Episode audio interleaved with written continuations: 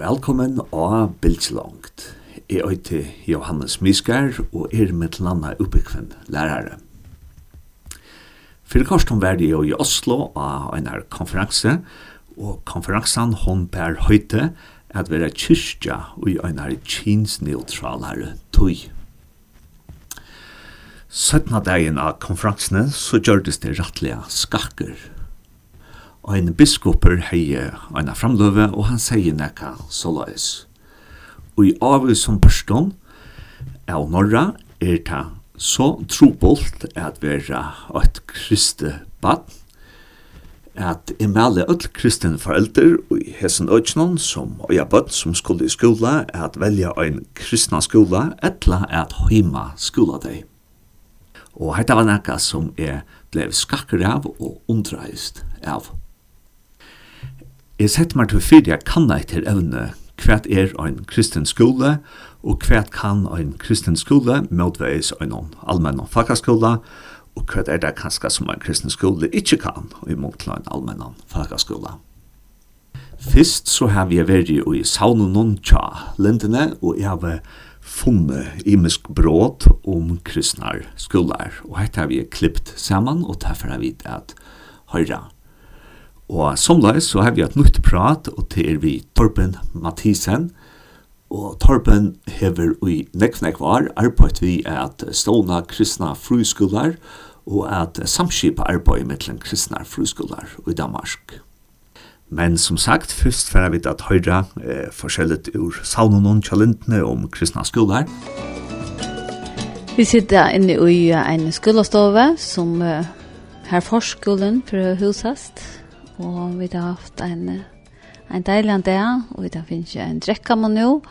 Og her kommer her vi Lissi Hansen, og Lissi, jeg vet at du har arbeidt nek vi sånn skolan og och som prosjekt någon Hva for kjensle sitter du i det?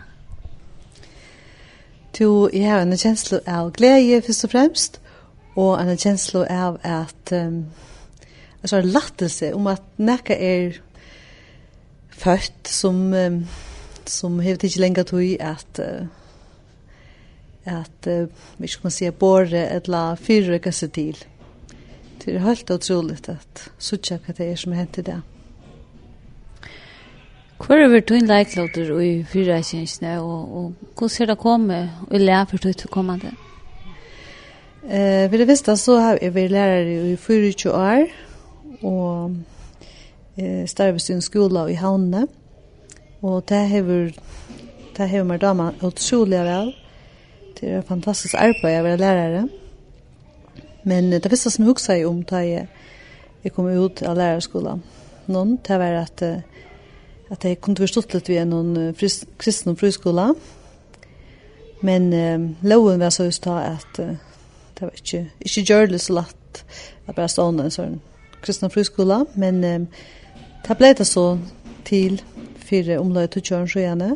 Det brøtte slåen, og jeg tror at det kom parstvis med mannen som var genker inn i kjeltene, så ved at hele han ta, ta hadde det til av visjonene at, at det skulle stående en kristne friskole her, av Øtjenån. Og da brente det i meg at, at vi har vist ned arbeidsbøtjenån, for at arbeidet frem mot oss ned, så at med landa foreldre her i Østjøtten og Østen høyde et vel hvilken skola de kunne sende sine bøten til. Hvordan hever tilgangen vært hans i årene? Hvordan har ditt arbeid? Du, som sagt så blir det for to år siden, da blir vi til å ta seg om um, om hvordan man skulle til stående en sånn friskola. Men uh, det ble lukket som sleppt at du tog at uh, hølen her var ikke klar, og som man lukket som sa fyrir seg at vi måtte uh, letja så, så tankene stidler i nøkra her. Og det ble så gjørst, men eh, nå så for tvømne år siden, eller tvømne halvne år siden, da begynte vi til å komme sammen.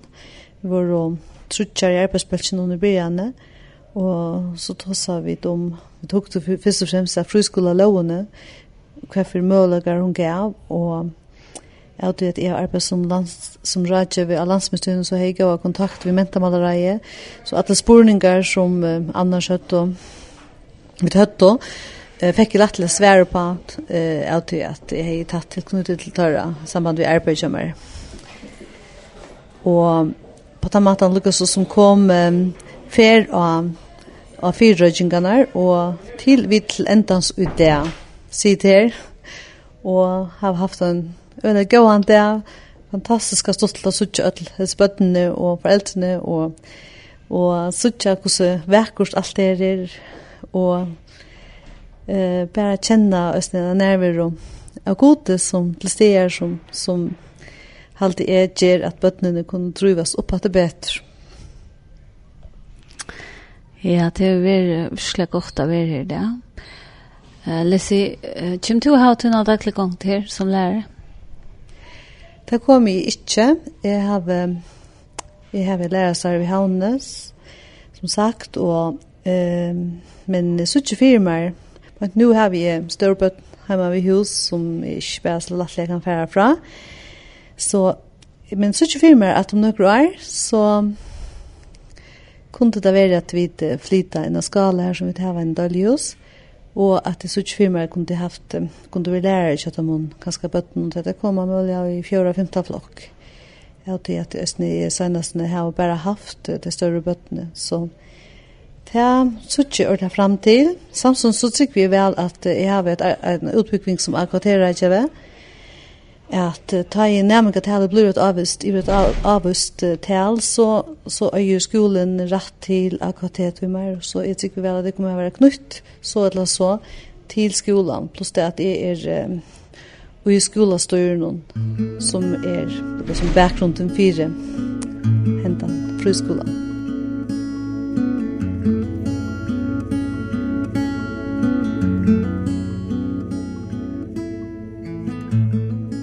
hva er det målet med å gjenka av en vanlig folkeskola og så en kristne skola? Altså, det første som jeg har lagt mest til, til till er støy stöj ösn i skolen og rädning kanskje. Eh men kristne er det bare så rädning annars. If how ofta felt för min gamle förtjänst at jeg skulle til synd gå i att jag var chickvante. Alltså först visste väl men det är ju så stå och snacka i vi så så man kör om kan det tro på eller kan det just vikskift under det vill säga vet lut låtsangskväll eller skört. Ehm till så jag inte analys nu till nu är det låtsangskväll samma samma vi till fläschen i den fläschen. Du kan snacka med din lärare om dina chick för sen något Eva mal. Du kan snacka vi nabbyggnaden eller svimmakaren om det. Och det är bara så där speciellt till det är sen lovsångskvällarna ta är det alltså det är bara nämningar som skipar fyra. alltså det. Är nämningar scenerna det är nämningar som håller andakterna det är nämningar som synja det är nämningar som är förbiar och det är bara något helt helt särskilt att man inte ska føla Att man ska gå imma något så grundläggande och göra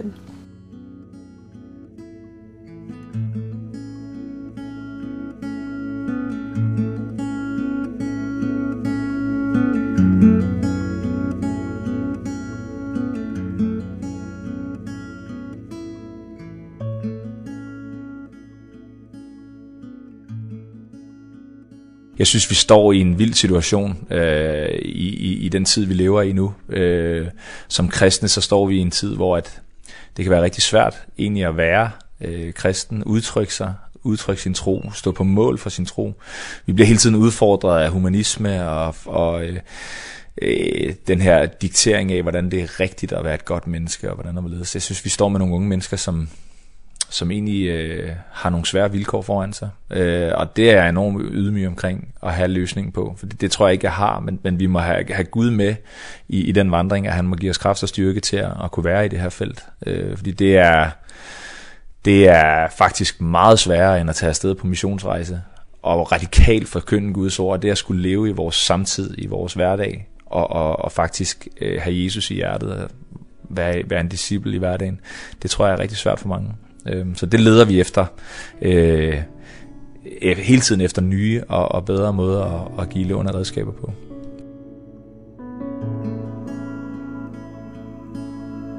Thank you.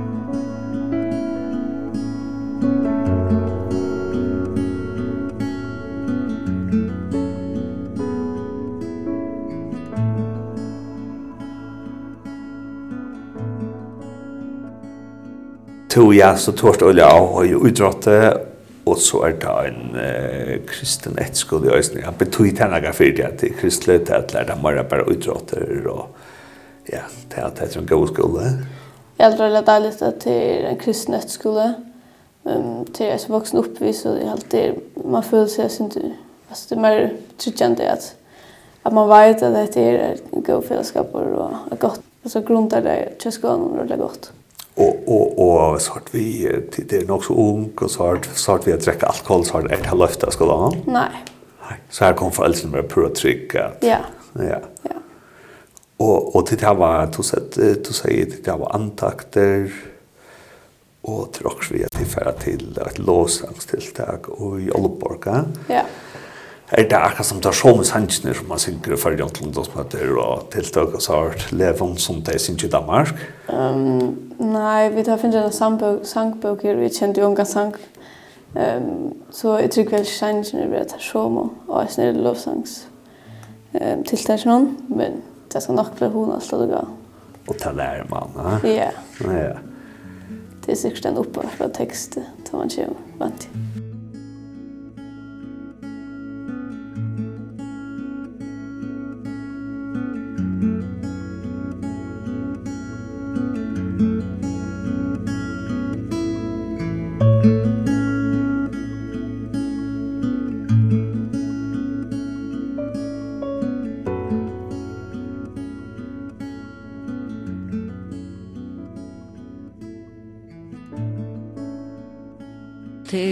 Danmark som hever alla rundnar innan, nemlig haskola og etterskola verna. Um, og, og, og i Danmark har de haft etterskola ganske i grundtråder, men nemlig hette at jeg sier at efterskole er utdannelse, utdannelse. Ja. Um, og her halte jeg at vi mangler et førestår, et godt førestår for dannelse. Jeg har nemlig spørst imsa stedene, kunne ikke huske ett ett gott ord som onkel hörer hetta så hugsa äntligen och och, låta kom brainstorma det är ju yeah. först år men hur är det om kvart det här för ett år till det är ett så otroligt gott år yeah. dannelse och det är nämligen det här som vi inte har brunna att uh, vi brinner ung till livet det är akkurat som okkara motto stor år men att det får fler ampo till till livet till livsens amposkassa yeah. mm. som vi placerar Ja, det er godt at løse sambokskassa, det, det er godt da. Mm.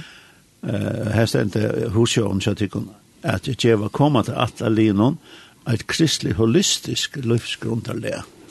Ja. Men kanskje at holistisk ikke har førskår. Orsaka. Nei, men det er spyr nærmengan nu, vi er en holistisk skole, hva det er, og vi blir en aksjon på at det er størst år, men hva det er det for nek, altså. Ja er det nekka vi holy å gjøre? Nei, det er ikke nekka vi holy å gjøre, det er nekka vi heiler, at man er heil, altså at alt menneske eh, vil tidsje og betraktninga. Mm -hmm. At vi er jo mennesker som er likam, sal og ante, og så er vi en sosial vera, kan man säga, at, ja. at god har skapt okkon til eisne samfla, vi kan annan, mm -hmm. og det er ikke vi eisne, vi, vi skulle noen, at at han ikke, han, han færnekka til ødles i økker løvnen. Um, til ångt vi kunne bli så, så fokuserer jeg på eit av dem, men det er faktisk alt som er eh, konstant. Mm -hmm. Jeg har så kørt til Hedensted, som ligger udenfor Mejla, og jeg er kommet til uh, Torben Mathisen. Og Torben, inden vi sådan rigtig går i gang, kan du måske bare lige fortælle lidt om dig selv? Ja, det vil jeg gerne. Velkommen til, først og fremmest. Øh, ja, jeg arbejder i dag som øh, ledelseskonsulent, men har en, øh, en fortid, hvor jeg har arbejdet sådan i, øh, i kirkeligt øh, og i skoleregi. Så jeg har været øh, konsulent i Foreningen af Kristne Friskoler. Jeg har været landsekretær i øh, den kirkelige bevægelse over Israel. Og så har jeg længere tid tilbage været efterskolelærer. Så jeg har været sådan inden for det skole lige og, og inden for... Øh, inden for det kirkelige sådan igennem, øh, igennem en del år efterhånden. Og det er så en færøsk radio. Har du nogen øh, forbindelse til færøerne? Har du været der? Ja, jeg har faktisk besøgt færøerne tre gange, og det har været i forbindelse med mit arbejde i sådan det kirkelige, hvor jeg har været lidt rundt omkring. Øh, stor fornøjelse. Glæder mig til at, at komme tilbage igen en anden gang. Og ved du noget om, om frisk rullemiljøet deroppe? Jamen, jeg har en lille smule fornemmelse af det. Jeg kan huske, jeg blev introduceret til en enkelt friskole. Der lå deroppe en enkelt kristen friskole, men, øh, men jeg var ikke inde og se den. Øh, og, og jeg kan huske, jeg spurgte lidt til det. Ham, der sådan viste mig rundt deroppe. Og, øh, og han sagde, at det var ikke sådan øh, det, der var slået mest igennem endnu, fordi det var folkeskolen, der stod meget stærkt deroppe. Ja. Så det er det, jeg sådan har mødt på ja. Færøerne. Men du har så skrevet den her bog, som vi tager udgangspunkt i. Den hedder Vi dør uden dannelse. Kristne skolers perspektiver og muligheder. Og jeg har så forberedt, at vi dykker ned i tre emner, som du kommer ind på. Det er så et, som du kalder for markedspladsen. Så den karakterisering er verden, hvordan den ser ud i dag og så har vi forældreretten, og så har vi identitets- og seksualitetstemaer. Ja. Ja, hvis vi starter det her med markedspladsen, hvad, hvad mener du med, med det begreb? Hmm. Altså man kan sige, min bog blev til på et tidspunkt øh, i forbindelse med en masterafhandling, hvor, øh, hvor noget af det, jeg prøvede at forholde mig lidt til, det er, hvad er det for en, en verden, som friskolerne de agerer i? Og øh, jeg er selv en del af, øh, af det at kende til de kristne friskoler i Danmark, hvor øh, man kan sige, en del af historien bag dem har været sådan en protest mod nogle bestemte ting. Øh, særligt på det etiske, øh, og, og måske også lidt i forhold til, til kristendomsundervisningen, når vi går, går længere tid tilbage. Men, men det, som slog mig, det var, at øh, noget af det, der måske i virkeligheden påvirker børn og unge allermest, øh, er måske noget af det, som de kristne friskoler ikke nødvendigvis lige har tænkt så, så, meget, så meget på. Øh, nemlig det, at vi, vi jo befinder os i sådan en, en verden, som er, er styret af en økonomisk måde at tænke på. Øh, og vi kender det jo fra alle mulige andre sammenhænge, det her med, at øh, ting skal kunne betale sig, og det skal være øh, ting, som... Øh, er rentable, det skal være øh, på, på markedsvilkår, tingene foregår. Og når man først bliver opmærksom på, at det også præger alt det, som omgiver skolen, så får man faktisk øje på rigtig mange ting, som, øh, som man tænker, okay, øh, har vi egentlig øh, forholdt os til det? Og har vi egentlig øh, tænkt vores pædagogik og vores måde at drive skole på øh, ind i den udfordring, som jeg synes, det kan give os? Øh, jeg kan godt give nogle eksempler på det, men, men det handler jo for eksempel om, at øh, når jeg ser på skolen i dag, og det gælder både de kristne friskoler i Danmark, og når det gælder folkeskolen, så er noget af det, som man har diskuteret meget i de senere år, det har været jamen, alt det her med at have nogle, nogle læringsmål og noget at, at styre efter, som politikerne har fastsat. Øh, det er jo noget, som vi bare mere eller mindre bevidstløst er gået ind i. Og på mange måder har vi måske synes det har været godt. Indtil man så bliver opmærksom på, at de her ting, de kommer jo et sted fra. Og det sted, som det oftest kommer fra, det er nogle af de her store internationale organisationer, samarbejdsorganisationer som OECD og EU, som sammenligner på tværs af lande og på tværs af kulturer. Og, øh, og i virkeligheden, så er hele den her læringsmålstænkning et udtryk for, at vi skal optimere, og vi skal, vi skal sørge for, at vores, øh, vores børn og unge de kommer ud og bliver konkurrencedygtige, og, og at hele vores samfund bliver konkurrencedygtigt.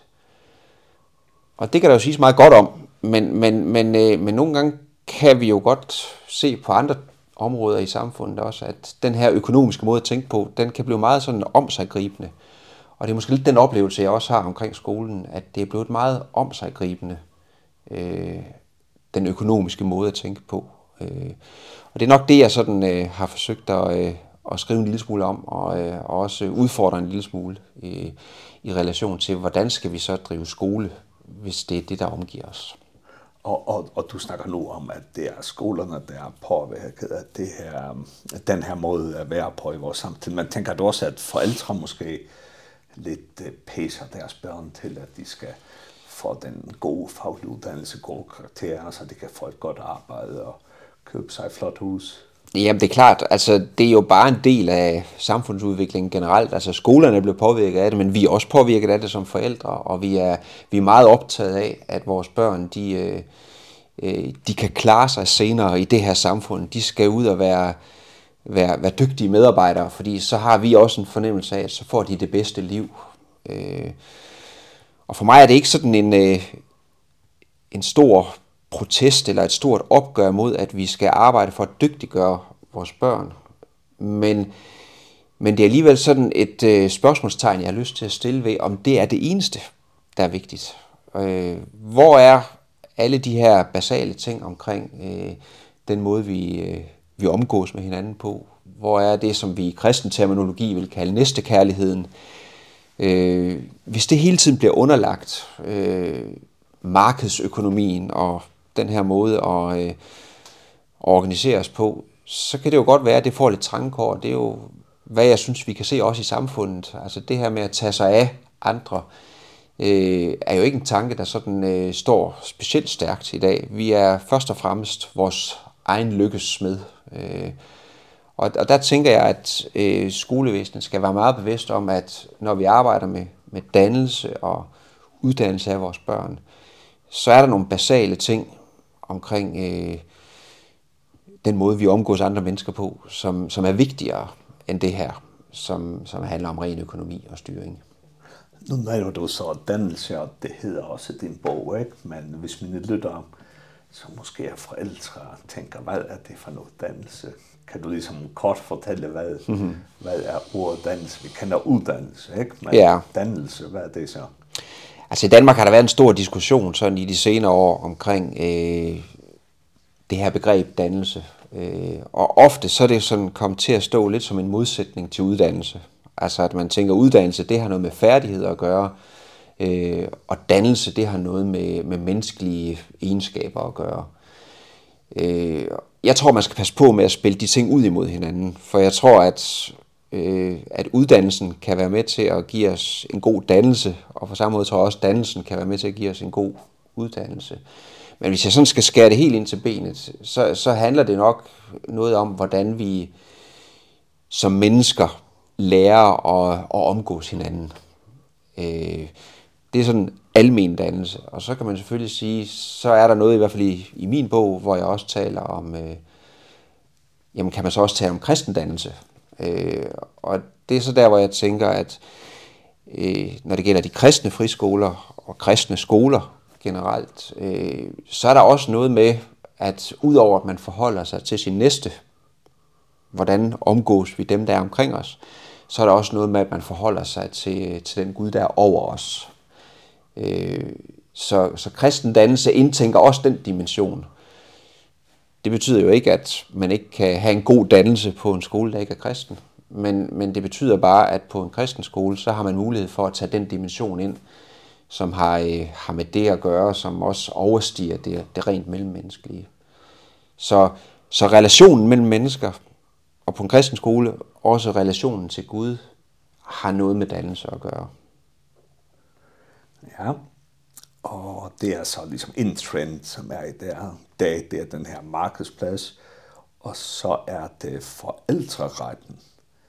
Og igen for mine lytter, hvad, hvad, hvad skal vi sige, hvordan skal vi forklare, hvad forældreret er?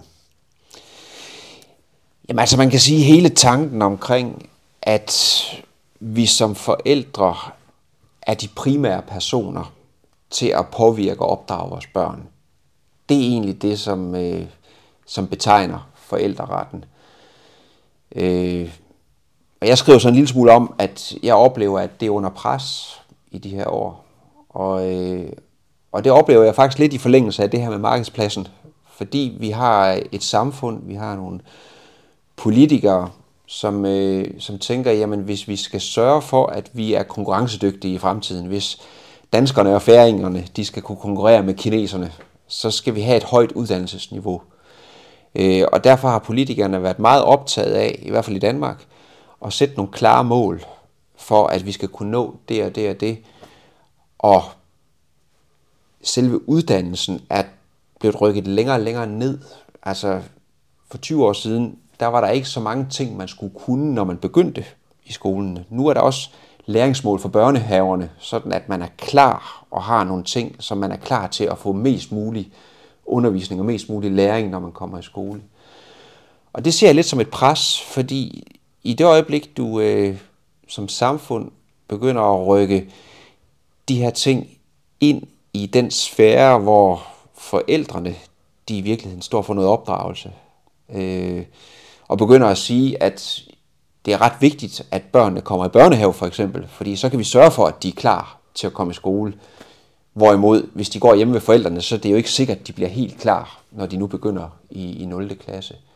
Der oplever jeg, at, at den økonomiske tænkning og det, som jeg kalder markedspladsen, det er med til at presse forældreretten, fordi vi rykker den primære opdragelse mere og mere ud af forældrenes hænder og lægger den over i institutionernes hænder.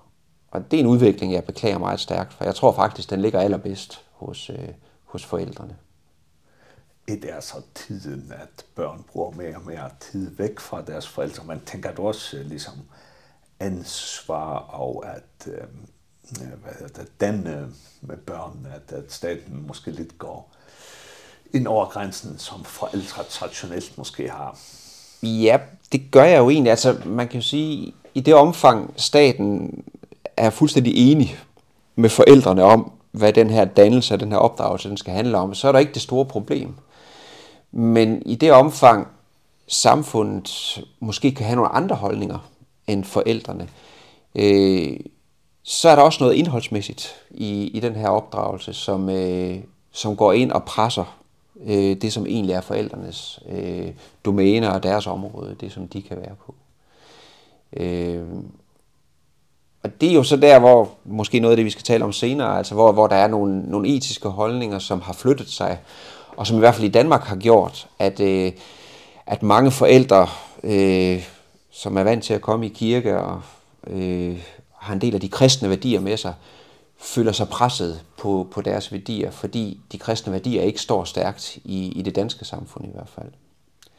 Øh, så der bliver der noget rent indholdsmæssigt, som, øh, som som presser forældreretten. Der bliver nogle nogle værdier som kan være gode, der kan være gode humanistiske værdier, men der kan også være nogle steder hvor de her humanistiske værdier, de de liksom kommer i modsætning til de kristne værdier som man som forældre kunne have lyst til at opdrage sine børn med.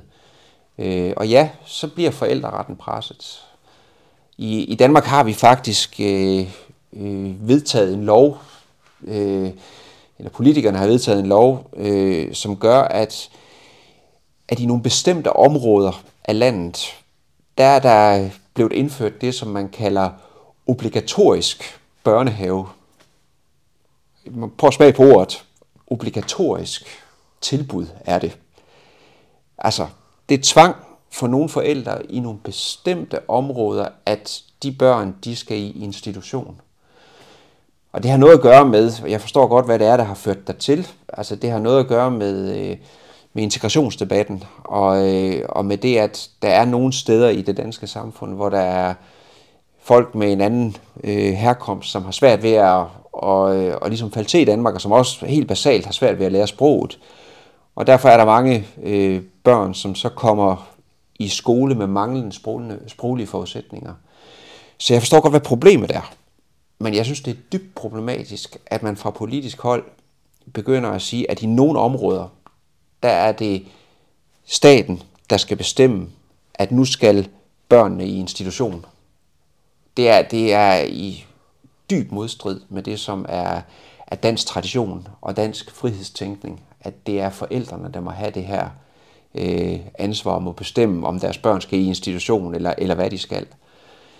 Så jeg synes selvfølgelig, man skal løse de her problemer, på den ene eller den anden måde, men jeg synes, det er den forkerte vej at gå, at man, øh, man indfører tvang over for eksempel institutioner, eller hvis det skulle føre til øh, tvang omkring skolegang. Øh, fordi der har vi jo faktisk en grundlovssikret ret til i Danmark at sige, at øh, vi har ikke skolepligt, vi har undervisningspligt. Og hvis forældrene ønsker selv at, at undervise deres børn, så må de det, fordi forældreretten den står så stærkt, som den gør. Men det er det, jeg oplever, der er under pres i de her år. Øh, dermed har jeg ikke løst de udfordringer, der så kan være, men, men jeg synes, vi er nødt til at, at hejse et flag og sige, her går, her går for, politikerne faktisk for langt i, i deres måde at, at forsøge at løse et problem på. Og, og det her ord forældreret, ikke? Det, det er sådan et juridisk ord også, hvor vi har forvaltningsret og så videre.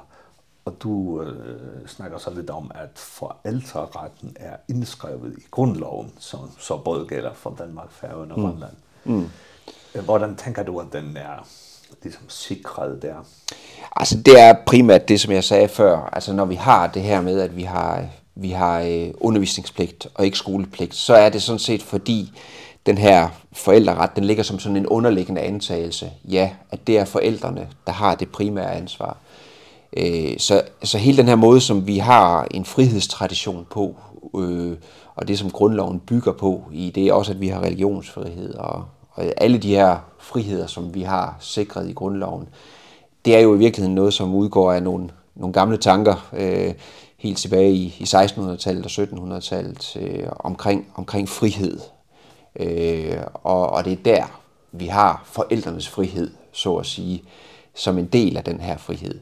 Vi har ikke ordet forældreret nævnt på den måde, men det er det, der ligger bag, når vi, når vi for eksempel siger, at der er, der er ikke skolepligt, men der er undervisningspligt øh, i Danmark og på Færøerne. Og det betyder så, at, at øh, forældrene ligesom giver opgaven over til en skole, men at de faktisk godt kunne have gjort det Præcist. sendt derhjemme med undervisning. Præcist. Det er, det, er, det er skolen, der varetager noget på forældrenes vegne. Øh, og, og det er forældrene, der har en suveræn øh, beslutningsret omkring, hvor vil de så sende deres børn hen. Øh, og det er jo det, der er baggrund for, at man i Danmark har oprettet rigtig mange friskoler. Fordi man har frihed til, med forældreretten i hånden, så har man frihed til at bestemme, hvad det er, der skal påvirke ens børn. Øh, så der findes kristne friskoler, men der findes også andre friskoler, øh, hvor hvor andre folk har taget den her forældreret og sagt, vi ønsker for eksempel at vores børn skal have en en socialistisk opdragelse, og så har man frihed til det. Eh og den frihed vil jeg gerne stå vagt for, uanset om det er en kristen skole eller det er en socialistisk skole eller det er en skole med en helt anden holdning i virkeligheden også hvis det var en muslimsk friskole. Eh selvfølgelig skal en muslimsk friskole så leve op til nogle ting omkring sprog og alle de her ting. Men hvis man gør det, så mener jeg faktisk også, at, at så er der også frihed til det, fordi det er det, som vores, vores grundlov ligesom giver, giver mulighed for. Øh, og, og det synes jeg virkelig, vi skal stå vagt omkring. Øh, ikke bare fordi vi ønsker en frihed for de kristne skoler, men fordi det helt grundlæggende er en, en god tanke, at den her frihed til at opdrage børnene, den ligger altså hos forældrene. Den ligger ikke hos, øh, hos staten. Øh, det er forældrene, der må tage et ansvar for, om de sender dem i skole i folkeskolen eller på en friskole, eller om de selv står for undervisningen derhjemme.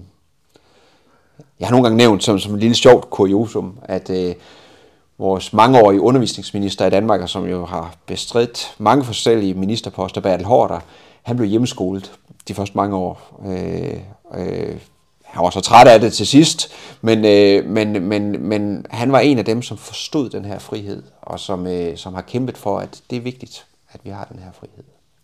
Ved du om nogle kristne forældre i Danmark, som hjemmeskoler deres egne børn? Ja, det gør jeg. Der, der er ikke mange, der gør det. Men der har faktisk været, også oven på øh, coronatiden, øh, som vi har oplevet, øh, en del forældre, ikke nødvendigvis lige med en kirkelig baggrund, men, øh, men som har valgt at sige, vi, vi hjemmeskoler vores børn. Jeg tror, man har optalt det til omkring, du må ikke hænge op på tallet, men det er sådan i omegnen af 1500-2000 øh, børn øh, over hele Danmark, som er blevet hjemmeskolet her i de senere år. Øh, I kortere eller længere tid. Og jeg kender godt nogle af dem, men, men, øh, men det er ikke en, en meget udbredt ting, heller ikke sådan i, øh, i kirkelige kredse og du siger så at den her ret, som er sikret i grundloven med, at forældrene har ansvar for øh, uddannelse af børnene og undervisning, og at vi så kan oprette for eksempel friskoler, ikke? Ja. Og når vi snakker om, at, at staten ligesom går lidt ind over forældrenes måske ansvarsområde, som det har været tidligere, ved du, om man oplever, at det blevet sværere at danne friskoler? Nej, det er det ikke. Altså, der er... Øh Der er opstået rigtig mange friskoler i Danmark i de senere år, øh, og der er endda opstået så mange, at man øh, sådan fra politisk hold er begyndt at blive lidt bekymret, fordi op mod hver femte elev i Danmark i dag går på en friskole. Ikke på en kristen friskole, men på en eller anden form for friskole. Nogle af de her friskoler, der så er opstået, og det er nok dem, der sådan i, har været i stigning især i de senere år, det har været de steder, hvor man har nedlagt en lokal folkeskole, øh, så har der været nogle forældre, der har sagt, det vil vi ikke finde os i. Vi opretter en friskole i stedet for. Og det kan være fint nok, men mange af de steder, hvor man har gjort det, der har man ikke nødvendigvis gjort det med sådan en meget skarp bevidsthed om, at det er de her værdier, eller det er den her pædagogik, vi vil have. Øh, og der kan jeg sådan set godt forstå, hvis politikerne de siger, hmm, det var ikke lige det, der var tanken med friskolerne. Men i det omfang, de ligesom har defineret, at vi har nogle værdier, og det er de her pædagogiske værdier, eller religiøse værdier, eller politiske værdier, vi gerne vil bygge skole på, jamen, så mener jeg faktisk, at politikerne de gør, bør gå ind og forsvare øh, deres ret til at gøre det, fordi hele den her dynamik, der har været mellem friskoler og folkeskolen, har været god igennem flere hundrede år faktisk i Danmark. Altså, de frie skoler påvirker folkeskolen, folkeskolen påvirker de frie skoler. Hvis vi kun havde haft én ting, så mener jeg faktisk, det var blevet det dårlige resultat, der var kommet ud af det. Så jeg mener faktisk også, at friskolerne er, er sådan en god sten i skoen for folkeskolen, som gør, at folkeskolen bliver nødt til at, at hele tiden besinde sig på, det skoletilbud, vi laver, er det tilstrækkeligt godt til, at, at børnene ikke bare går hen, eller forældrene ikke bare går hen og vælger at lave en friskole i stedet for? Så det er godt med lidt til markedsplads. På den måde er markedspladsen fin nok, det kan man sige. øh, ja, men, men det vil sige, nu er vi i 2023, og, og ligesom det, som du ved, selvfølgelig nu er du ikke ansat i, i sådan en skoleregi, men, men du fornemmer ikke, at det er sværere nu at den en kristen friskole, end det var 10-15 år tilbage. Jo, det er det så. Altså, det er ikke sværere rent formelt, øh, og lovgivningsmæssigt øh, har du nøjagtigt den samme frihed til at gøre det, som du altid øh, har haft. Men det er klart nok, at vi i, i dansk sammenhæng, der har vi ikke oplevet mange nye skoler igennem de senere år. Øh, det store boom af kristne friskoler, det kom i 70'erne i forbindelse med, med protesterne over de ting, som jeg nævnte før. Kristendomsundervisningen, seksualundervisningen og i det hele taget nogle nogle værdier, der, der forlod, altså da, den kristne, ja, da, da det kristne grundlag forsvandt helt fra folkeskolen, så var der mange af de her skoler, der opstod. Så kom der lidt flere til også i løbet af 80'erne. Øh, nogle er så gået under igen, men, men ellers er, er der ikke kommet mange nye skoler til i de senere år. Der er faktisk kommet en enkelt ny friskole her inden for det sidste års tid. Øh, så det kan lade sig gøre, men grund til, at det er blevet sværere, det er, at kirkefolket har været sværere at mobilisere, end de måske var i 70'erne. Der har ikke måske været den her store protest, som har gjort, at nu, nu samler vi os, og så laver vi en, en kristenfri skole. Øh, så formelt set er det lige så nemt.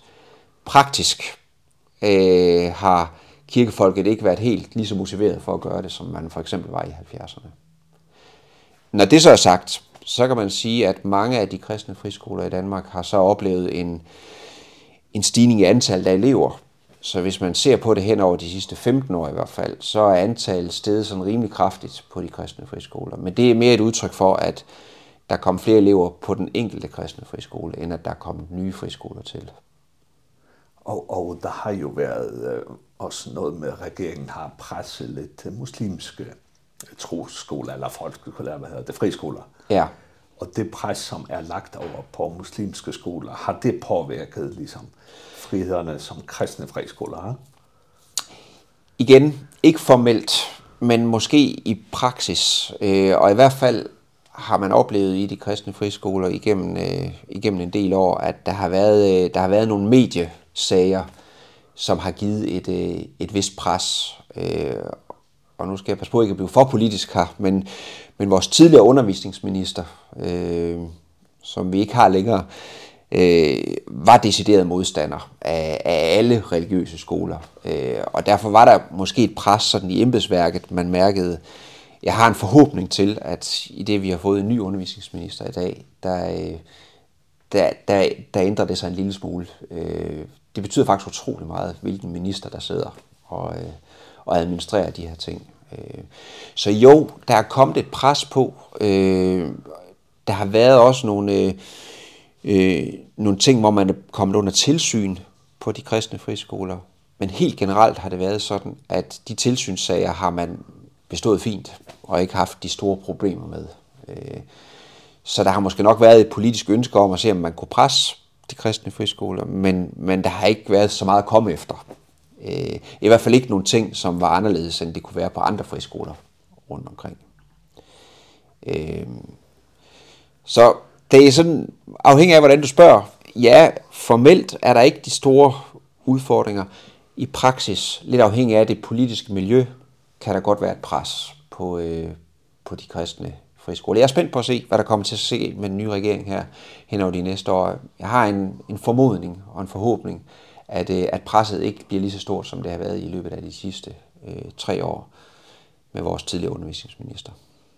Og, og du siger så, at, at den her forældreret er stadfæstet i grundloven, som er ligesom en del på vores moderne samfund, og det ligger også helt i vores samfundsstruktur, og mm. måske det var lidt det, som gik galt med nazismen i Tyskland, ikke? Mm. At, at de mistede de grundlæggende frihedsrettigheder. Ja. Men uh, så ser du også i bogen, at, uh, at, uh, at selvom forældreretten er bygget på de her frihedsprincipper, at så skal vi som kristne også ligesom lægge et andet niveau på forældreret. Hvad, hvad, hvad tænker du er måske anderledes, når vi snakker om forældreret i en kristen mm. verdensforståelse af en, en friheds, en liberal forståelse?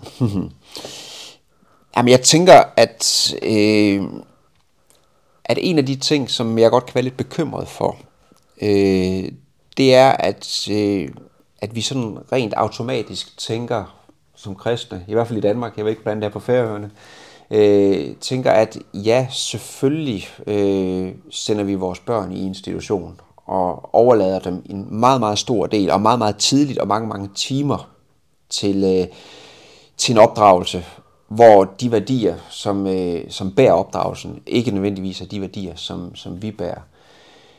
Øh, jeg har det lidt anderledes i det øjeblik du sender dine børn hen på en øh, en skole hvor du ved at de værdier der er, de så er er i overensstemmelse med med med det som du selv står for. Eh fordi den her gode dynamik og det her gode samspil mellem en skole med nogle kristne værdier for eksempel eller en daginstitution med nogle kristne værdier og så de værdier, du har i hjemmet. Det tror jeg fungerer ganske udmærket, og kan være en god måde ligesom at agere i det moderne samfund på. Øh, samtidig med, at jeg synes, man skal være varsom med bare at sende sine børn afsted 40 timer om ugen i institutionen. Det synes jeg ikke er en god idé. Det er der ikke nogen forskere, der, der vil pege på, at det er en god idé at gøre det. Øh, men, men værdierne skal vi kæmpe for, at det er dem, vi også påvirker vores børn med. Og man så vil gøre det ved at, at bringe værdierne i spil mange timer selv i sin hverdag, eller man vil gøre det på en anden måde. Det synes jeg sådan set må være op til den enkelte forælder at gøre. Men, øh, men jeg synes, at vi som forældre skal, skal være opmærksom på, at værdierne er under pres. Øh, og derfor vil jeg selv, nu er jeg over den alder nu, hvor jeg selv har børn i institutionen, men jeg har nogle børnebørn snart, som er på vej i det. Og der håber jeg da meget, at, at, at de også får lov til at opleve, at, at de værdier, der præger deres opdragelse, bliver, øh, bliver bragt i spil.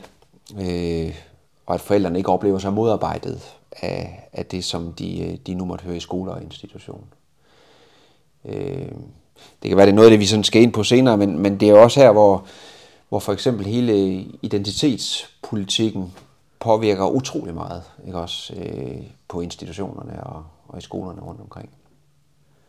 Uh, ja, men når man måske argumenterer så meget for, som du gør, at holde fast i forældreretten, ikke?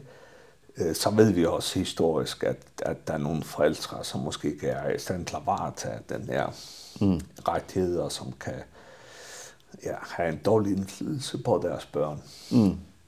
Hvordan tænker du, altså, hvis vi argumenterer for, at vi som kristne må holde fast i forældreretten, men hvordan skal vi så forebygge, at det ikke ligesom går ud over nogle enkelte ja. øh, sårbare børn som det er et meget relevant spørgsmål, fordi det er også det som øh, altså den igen den forrige regering øh, sat det som en dagsorden at der var flere børn der skulle øh, der skulle tvangsfjernes tidligere end det var sket tidligere.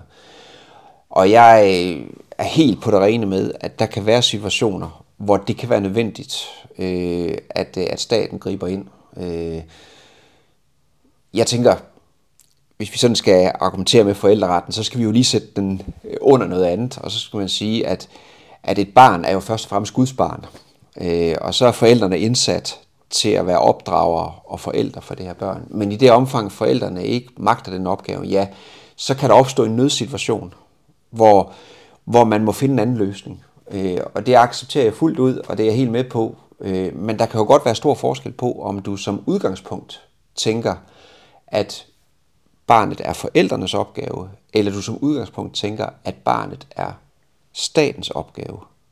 Øh, hvis jeg sådan skal bringe et citat ind, som jeg har hørt, og som jeg ikke sådan kan, kan finde øh, skriftligt fra vores tidligere undervisningsminister, så, så var en af de ting, hun var berygtet for at sige, det var, at vi er jo nødt til at sørge for, at børnene de kommer et godt sted hen, fordi de kan jo ikke bare overlades til nogle tilfældige forældre med en eller anden tilfældig holdning. Og det siger jo noget om, hvad det er for en, øh, en holdning, man som udgangspunkt har. Der tænker man som udgangspunkt, det er staten, der må tage ansvaret for, at barnet får en frihed til at blive et frit menneske. Eller man som udgangspunkt tænker, at det er faktisk forældrene, der har ansvaret for de her ting. Øh, hvor den så lige skal skæres hen i de der særlige tilfælde, der, det er jeg ekspert på, men, men jeg er helt med på, at i nogle tilfælde vil det selvfølgelig være nødvendigt, at, øh, at, at staten griber ind, hvis der er nogle forældre, der ikke har forældreevnen.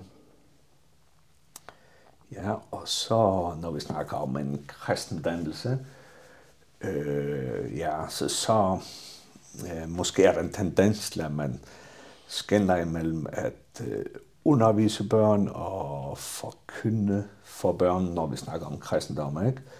Og måske i den mere världslig debatt så kan man måske høre, at, at i skolen, der skal de undervise, der må man ikke prædike.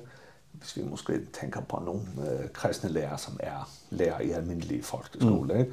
Mm. Der må man ikke prædike, der må du ikke forkynde, øh, fordi det, det skal høre til forældrenes domæne, og måske lidt det, som Anders Fogh Rasmussen blev kendt ved at sige, ikke? at religionen skal liksom tages tilbage til øh, det private rum ja. og ikke få plads i offentligheden. Ja. Men øh, ja, hvordan tænker du om disse her ting med, at, at skolen liksom bliver lidt ryddet for for kunst ja. og kun skal være neutral? Altså, der er to sider af det, tænker jeg. Den ene side, det er, at der er forskel på, om det er en kirke eller det er en skole der foregår ting i. Og det tænker jeg også, at som kristen skole skal man være meget bevidst om, at øh, man er skole, men er ikke kirke. Det er sådan den ene del af det. Øh, og derfor tror jeg også, det er ret vigtigt, at man forstår, at i skolen, der, der er samværet, det er båret af undervisningen. Hvor i kirken, der er samværet båret af forkyndelsen. Øh, så, så på en måde vil jeg godt være med på, og jeg er enig i det her med, at vi, vi skal sige, at undervisning, det hører skolen til, forkyndelse, det hører kirken til. Det er sådan den ene side af det. Øh, når det så er sagt, så tror jeg ikke, man kan lave sådan et fuldstændig skarpt skæld på den måde. Øh, fordi øh, man skal forstå, hvad mener man egentlig med forkyndelse? Øh, hvad er forkyndelse for noget? og i pædagogisk kontekst, så, så tænker jeg, at der er jo, der er jo situationer, hvor der er ting, der bliver, bliver forkyndt, at sådan her skal tingene bare være. Øh, sådan er reglerne her. Det bliver bare sagt. Det, det, det er ikke noget, vi sådan underviser om at diskutere. Det er bare sådan, tingene er. Øh, så, så en skole skal også ligesom mene noget, og turde sige noget, øh, og, og have en holdning til noget. Men når det så gælder den, den kristne forkyndelse, så tror jeg, det er, det er godt at, øh, at skille på den måde, at øh, når vi er i det forkyndende rum, så at sige, så er vi et sted, hvor vi bliver tiltalt. Der hører vi på noget udefra, der bliver sagt til os. Og på en kristen skole, der foregår det oplagt i øh, forbindelse med morgenandagten. Øh, der er der sådan et forkyndende rum til stede. Øh, Og når vi så har været der, så går vi typisk over i undervisningsrummet, og hvis vi så har kristendomsundervisning der, så er det en lidt anden form, fordi så tager vi jo de ting frem, som vi for eksempel læser om i Bibelen, og så diskuterer vi det, så forholder vi os til det. Og det er jo undervisning. Undervisningen er båret af dialogen. Og der mener jeg faktisk ikke, at læreren skal stå og, øh, og, og være den, der tiltaler børnene på samme måde, som hvis det havde været i kirken, eller hvis det havde været hen til morgenandagten. Øh, så jeg mener helt grundlæggende, at vi skal kunne skelne mellem undervisning og forkyndelse. Men jeg vil ikke gå så langt som til at sige, at derfor må man så ikke på en kristen skole have et forkyndende rum. Det mener jeg faktisk giver god mening at have det forkyndende rum. Vi skal bare være tydelige om, at det er her, vi er nu, og det er, det er det rum, vi befinder os i her. Og, og når vi så er i undervisningssituationen, så er det et lidt andet rum, vi er i. Øh, hvis vi tog det forkyndende rum ud af den kristne skole, så vil vi tage noget ud, som har eksisteret igennem hundredvis af år, hvor, hvor forkyndelse har været en del af det, der er foregået, når man, når man også har drevet skole. Øh, og, og det i sig selv, mener jeg jo, har været med til at, at føre til nogle tanker om, hvad er skole for noget. At, at den kristne, hvad kan man sige, øh, virkelighedsforståelse har været til stede. Det har været med til også at skabe den skole, som vi har i Danmark i dag. Øh, så vi skal stadigvæk have på de kristne skoler et forkyndende rum, men når det gælder undervisningen, så, så, så har vi også en holdning til stede der, men vi kan diskutere holdningen. Jeg plejer at sige det på den måde, at forkyndelsen den er båret af, af monologen og, og tiltalen, hvor undervisningen den er båret af dialogen, og, og i virkeligheden, at vi kan stille spørgsmålstegn ved hvad som helst. Øh, Men derfor kan vi jo godt have en holdning, også som lærer, når vi står der. Men det skal være tilladt for vores elever at stille spørgsmålstegn ved alt, hvad vi siger, stort set, når vi er i undervisningen. Så måske når der i samfundet bliver argumenteret for, at, at både på færgerne og i Danmark, specielt det sidste på færgerne, at der er kommet mange nye folk, som måske har nogle andre religioner. Der er ikke så mange forældre, der er medlem af Folkekirken længere. Og derfor må vi lave skolen et neutralt sted, og så må forældrene selv tage sig af kristendommen. Så, så synes du lidt, at vi som kristne skal øh, protestere lidt, at Ja, altså jeg forstår sådan set godt øh, argumenterne i i det her, og det er jo det som var situationen i Danmark i 70'erne, kan man sige, hvor hvor hvor det man i Danmark oplevede, det var at der havde sekulariseringen pågået i så mange årtier, at man nåede frem til et tidspunkt, hvor man ligesom sagde, der er simpelthen ikke et flertal i befolkningen, som, som forstår sig selv som kristne, og derfor skal, skal skolen selvfølgelig heller ikke være, være kristen. Øh, og så fjernede man de ting, som forbandt skole og kirke. Det kan jeg sådan set godt forstå, det argument, og det mener jeg et eller andet sted også, at man må, man må bøje sig for øh, i, i en situation, hvor samfundet har udviklet sig på den måde. Øh, og så kan det være, at løsningen på det for de kristne forældre, det er at, at sige, jamen, så vil vi have lov til at oprette kristne friskoler og, og så tage tingene ind i den kontekst der. Når det så er sagt, så har jeg måske også lyst til at sige, at hvis man skulle have gjort noget om i den danske historie, så kan man sige, at, øh, at noget af det, der førte til den her sekularisering af folkeskolen, det var jo også meget aggressivt, og der var noget, der sådan kæmpede meget imod øh, al kristen indflydelse Og når man sådan bevæger sig rundt i, i det pædagogiske miljø i dag i Danmark, så tror jeg, der er mange, der vil tænke, uanset om de selv tænker sig selv som kristne eller ej, så vil sige, okay, der var altså noget, vi smed ud med badevand der. Øh, så måske kunne færøerne øh, undgå øh, at, at smide så meget ud med badevandet, øh, når det gælder folkeskolen, som man har gjort i Danmark. Øh, mange politikere i dag vil jo sige, jamen, vi er kristent land, det får vi endda ind i vores øh, regeringsgrundlag, at vi er et kristen land, og øh, det kan godt være, at skolen så ser anderledes ud, end den gjorde for 100 år siden, men det kan godt være, at folkeskolen også skal, skal ligesom afspejle det her med, at vi er et kristent land, og den kristne kultur skal formidles. Men det kan godt være, at man på Færøerne, så godt kender jeg ikke Færøerne, men det kan godt være, at man, man som kristen på Færøerne er, er nødt til på et tidspunkt at sige, okay, forkyndelsen ved en morgensang er vi måske nødt til at tage ud. Fordi det, det, det er simpelthen ikke øh, passende til en folkeskole, sådan som samfundet ser ud i dag. Men derfor kunne man jo godt argumentere for, at, at kristendomsfaget skal være vigtigt og, øh, og have en stor rolle og, og være med til at formidle noget kulturarv og, øh, og, og undgå at få den de rute, som det fik i Danmark, hvor det blev fuldstændig nedprioriteret. Øh, hvor mange i dag vil sige, at vi mangler noget i den danske folkeskole vi mangler noget, der er med til at tale om vores værdier og, og vores fælles kultur og alle de her ting. Så jeg skal ikke gøre mig klog på færøerne, men jeg tænker, at, at, øh, at der, der kan komme et tidspunkt, hvor man øh, som kristen forælder tænker, at øh, har jeg egentlig brug for, hvis jeg vil præge mine børn med de her værdier, at det foregår på en friskole, eller, eller foregår det faktisk fint i folkeskolen. Det kan måske også være lidt forskelligt fra lokalsamfund til lokalsamfund. Og øhm, ja, jeg har fortalt dig, at på færden, der står det stadigvæk i skoleloven, at skolen skal uddanne og danne eleverne til en kristen og etisk mm. dannelse, og kristendomfaget er altså bundet til den evangeliske lutherske lærdom, ikke? Ja. Og plus at kristendommen har rimelig meget plads på færgen i forhold til Danmark. Ja.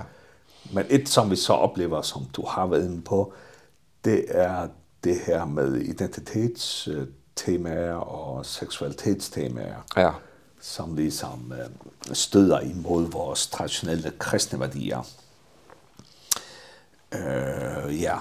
Og øh, ja, og der var så altså en hvad hedder det, en bølge for 30-40 år siden i Danmark, som var en del af, af dansen af kristne friskoler, men måske igen ser vi nu, måske specielt også med køn, mm. hvor vi tidligere så noget med seksualitet, mm. at nu er det så både seksualitet og køn, hvor ja. værdierne øh, flytter sig ret meget fra de kristne værdier, ikke? Ja.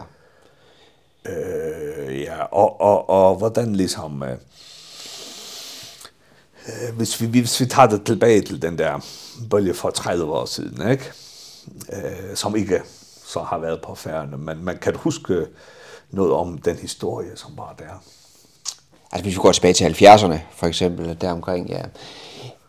Ja, ja, altså, jeg kender jo historien i, i Danmark på, på, på de her ting, og, og, og man kan sige, det der var spørgsmål dengang, det var jo den seksuelle frigørelse, øh, og det projekt, der ligesom øh, var det helt store spørgsmål. Og det var da det, som mange kristne forældre i Danmark, de protesterede over. Øh, også selvfølgelig, øh, at aborten blev gjort fri og så videre. Der. Det, var, det var noget af det, som, som affødte protest øh, dengang. Når jeg ser på det, der sker i dag, så er jeg faktisk på en måde lidt mere bekymret. Fordi øh, det, der rører sig i, i hele det her identitetsspørgsmål, det er selvfølgelig noget, der ligger i forlængelse af, af det her, men, men samtidig så er det noget, der er, der er endnu mere grundlæggende fordi man ikke bare går ind og bare det er i anførselstegn, men ikke bare går ind og, og ligesom argumenterer for, for seksuel frihed. Man går faktisk ind og stiller spørgsmålstegn ved noget af det, som er, er det, som mennesker er født med, vi vil sige skabt med, øh, nemlig vores køn og vores identitet. Og nu går man ind og, og, øh, og laver nogle forskellige øh, ordninger. I Danmark er der et stort pres på i, i undervisningen, ikke mindst i folkeskolen, på at, øh, at man skal have sådan en enorm kritisk tilgang ind. Øh, og enorm kritik her skal ikke forstås, at man bare skal stille spørgsmålstegn ved øh, nogle, nogle gamle stive normer. Øh, det kan der nogle gange være grund til at gøre. Men, men normkritik skal her forstås som sådan et udtryk for, at, at den her norm, der hedder, at vi er skabt som mand og kvinde. Der er to køn. Øh, vi er heteroseksuelle en til anden, der er bevist. Øh, der er nogen, der ikke er heteroseksuelle. Men at man ligesom taler om, at, at der er noget, der er normalt. Øh, to køn. Det stiller man spørgsmålstegn ved. Øh, og, og det kommer så langt, at, at, øh, at det kommer ind i de helt små klasser øh, i, i uddannelsessystemet i Danmark, der er det allerede på pædagogseminariet en, en del af, af undervisningen, at man skal forholde sig til det her med normkritik. Der har været enorm pres på for nogle af de her interesseorganisationer, at det også skal ind på læreruddannelsen. Det er det ikke kommet endnu på læreruddannelsen, og derfor har, har problemet været knap så stort øh, i skolerne rundt omkring. Men, men især i store byerne, især i København, øh, oplever vi i Danmark, at, at de her forskellige lobbyorganisationer, de presser på for at komme ind i undervisningen, hvor hvor noget af det man så vil møde i i en undervisning, det er at øh, du har et et køn, men du skal selv finde ud af hvad det er. Og der findes mange forskellige former for for øh, for sociale køn. Øh, og og du skal som lille barn ind og forholde dig til det. Og øh, og i Danmark er det også blevet til at man sådan helt har forholdt sig til, skal man have lov til at lave øh, øh, juridisk kønsskifte helt ned til til man er 0 år. Øh, og der mener jeg virkelig at vi er inde og rører ved noget som som er afsindig farligt for vores børn. Fordi hvis hvis der slet ikke er noget fast at spejle sig i, når man vokser op, og man skal finde sin identitet, og man skal finde sin kønsidentitet, man skal finde sin seksualitet. Hvem er man som menneske? Øh, så, så efterlader vi vores børn et sted, hvor, hvor tror jeg, at når vi om 30 år ser tilbage på den her bølge, så vil vi sige, hvad i al verden havde vi gang i? Øh, og øh, det er et af de steder, hvor jeg er bekymret. Øh, og et af de steder, hvor igen med vores udgangspunkt, når vi taler om forældreretten, øh, jeg synes simpelthen, at kristne forældre skal være meget opmærksomme på, hvad er det for en påvirkning, vores børn får i en børnehave, i en skole. Øh, og det er sådan et af de her steder, hvor jeg tænker, okay, hvis, hvis, hvis det her, det, det bliver ved med at gå i den retning, som det gør nu, jamen så vil der være behov for mange flere kristne friskoler i Danmark. Øh. Og, og du ser så, at det er ligesom et pres udefra fra lobbyorganisationer, og måske også fra politisk hold og samfundsmæssigt hold. Kan man så også se nogle krav ind til de fri, kristne friskoler med, at de liksom lidt skal undervise i forskellige kønsopfattelser og seksualitetsfrihed og sådan noget. Ja, det kan man godt. Altså det igen, når vi sådan taler omkring det her med det politiske pres og embedsværket og de tilsyn, der kommer, øh, så har der været meget, meget stor opmærksomhed på, om de kristne friskoler de nu leverer en seksualundervisning, som, som lever op til det, som, øh, som man mener, den skal. Øh, og... Øh, der har været nogle tilsyn på det på nogle kristne friskoler. Og igen, det var nogle af de tilsyn, som, som man bestod, og man har lov til stadigvæk øh, at have nogle holdninger, men, men man kan godt mærke, at der er pres på. Øh, øh, og man kan godt mærke, når man, når man taler med embedsværket, øh, at øh, de har svært ved at forstå det at have et kristent udgangspunkt, øh, hvad det betyder. Men, men noget af det, vi faktisk lykkedes med i, i de kristne friskoler, det var at lave vores egen læseplan på, på det her, hvor, hvor vi ligesom fastholder øh, også, at der er nogle værdier, der ligger til grund for vores undervisning i det. Øh, om vi har lov til det om 5 år eller om 10 år, det, det er jeg også spændt på, men, men det har vi slet lov til. men men man kan godt mærke presset, at det har været der.